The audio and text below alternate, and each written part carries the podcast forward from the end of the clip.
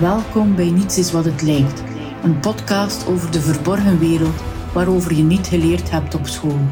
Over mysteries, oude verhalen, taal en merkwaardige toevalligheden. Uw gastvrouw, auteur Bo Vickering.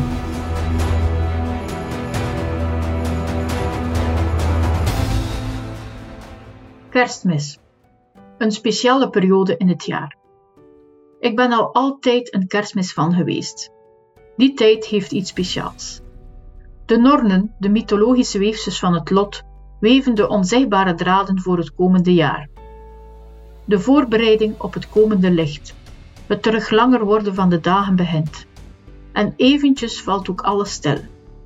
Nadat je eerst druk in de weer bent geweest met het zoeken van cadeaus, het voorbereiden van een feest en het zoeken van dat recept of die maaltijd om er een perfect kerstfeest van te maken. Je komt samen met familie, virtueel in deze coronatijd of in het echt. Het is een tijd van stilte en samen zijn. Een magische tijd, de kerstmagie. En je mag dat letterlijk nemen, want wat wij niet meer weten, is dat deze periode nog voor iets anders speciaals is. Niet voor het kerststalletje met Jezus of de drie koningen die komen, maar voor de twaalf heilige dagen van kerst. Voor wie het nog niet wist, ik ben een West-Vlaming, dus een he of een h uitspreken is niet zo evident. Natuurlijk bedoel ik twaalf heilige dagen met een h. Deze twaalf heilige dagen of dertien speciale nachten gaan terug op het Germaanse Joelfeest. Men zegt ook wel eens Jule. 21 december is de langste nacht van het jaar, de winterequinox. De zon bereikt haar laagste punt. Symbolisch sterft de zon om daarna terug geboren te worden. Maar er gebeurt iets interessants. De zon lijkt eventjes drie dagen stil te staan. Drie dagen op dit laagste punt te blijven. En in de hemel is de zon dan in het sterrenbeeld kroeks of kruis. Het is echter maar op 25 december dat de zon terug in beweging komt en zijn weg begint naar het hoogste punt. De zon wordt herboren. Het is niet toevallig dat 25 december de geboortedag is van Jezus, de zoon van God, of is het de zon? Zoon en zon is uiteindelijk maar één letter verschil.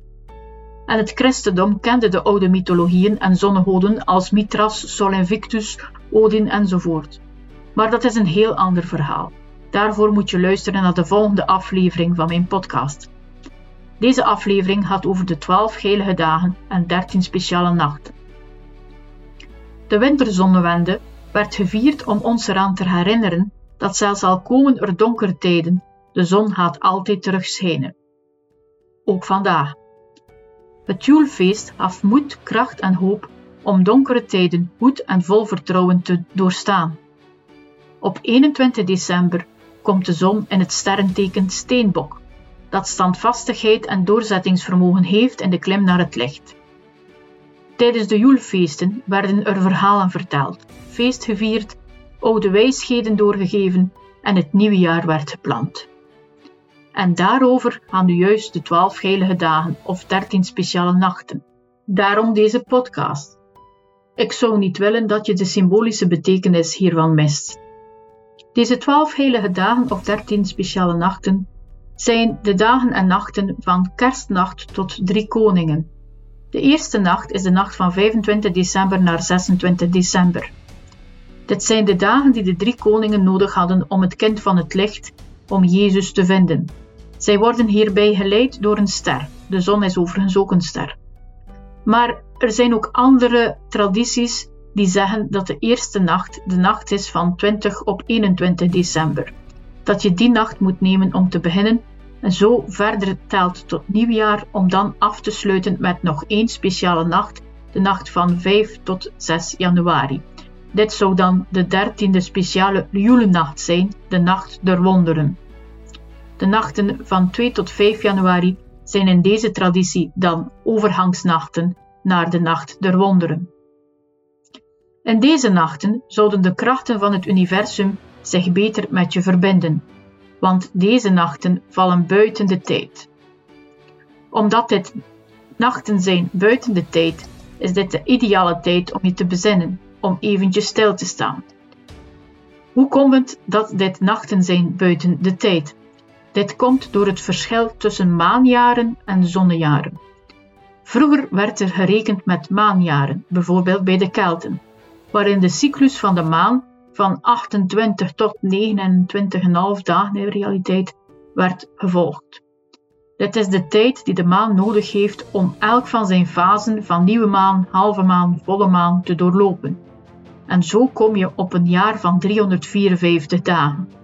De Hindoes en de islam rekenen nog altijd met maankalenders. De Germanen, Kelten, Oude Grieken en Oude Noren, de Maya's, Chinezen, Tibetanen en het Jodendom gebruiken een lunisolaire kalender. Hierbij wordt er rekening gehouden met de achterstand als men steeds 12 maanden van 29 dagen neemt en er regelmatig een dertiende maand, nee, het gaat niet om vakantiegeld, wordt toegevoegd bij een jaar om uiteindelijk de rekening te doen kloppen. Wij gebruiken sinds de Gregoriaanse kalender een zonnejaar of zonnekalender voor onze tijdsberekening. Alles staat vast en is gekoppeld aan de duur van de omwenteling van de zon rond de aarde. Zo duurt een jaar 365 dagen. Maar dat betekent dus, als je het maanjaar en het zonnejaar op elkaar wilt afstemmen, dat je met een verschil zit van 11 dagen.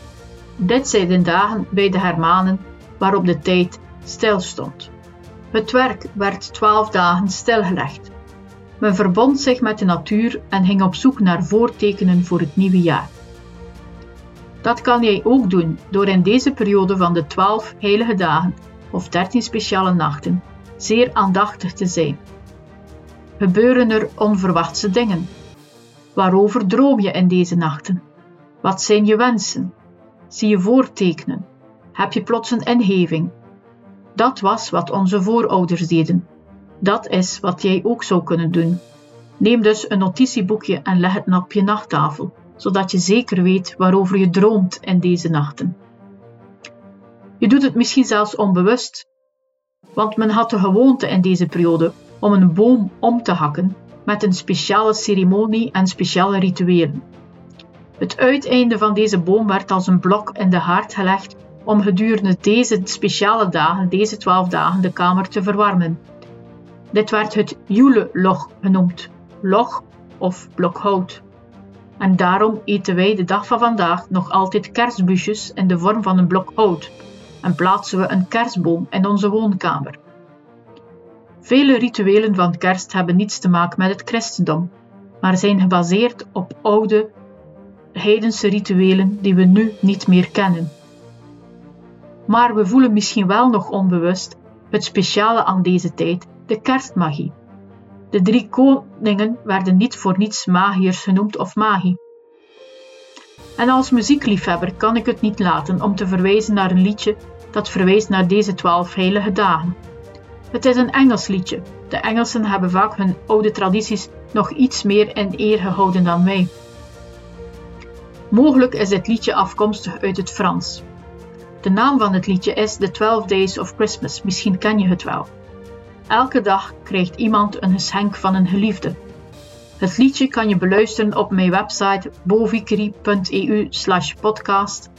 Uit jeugdsentiment heb ik een versie op mijn website geplaatst die gezongen wordt door John Denver en door de Muppets. Ik keek vroeger graag naar de Muppets, vandaar.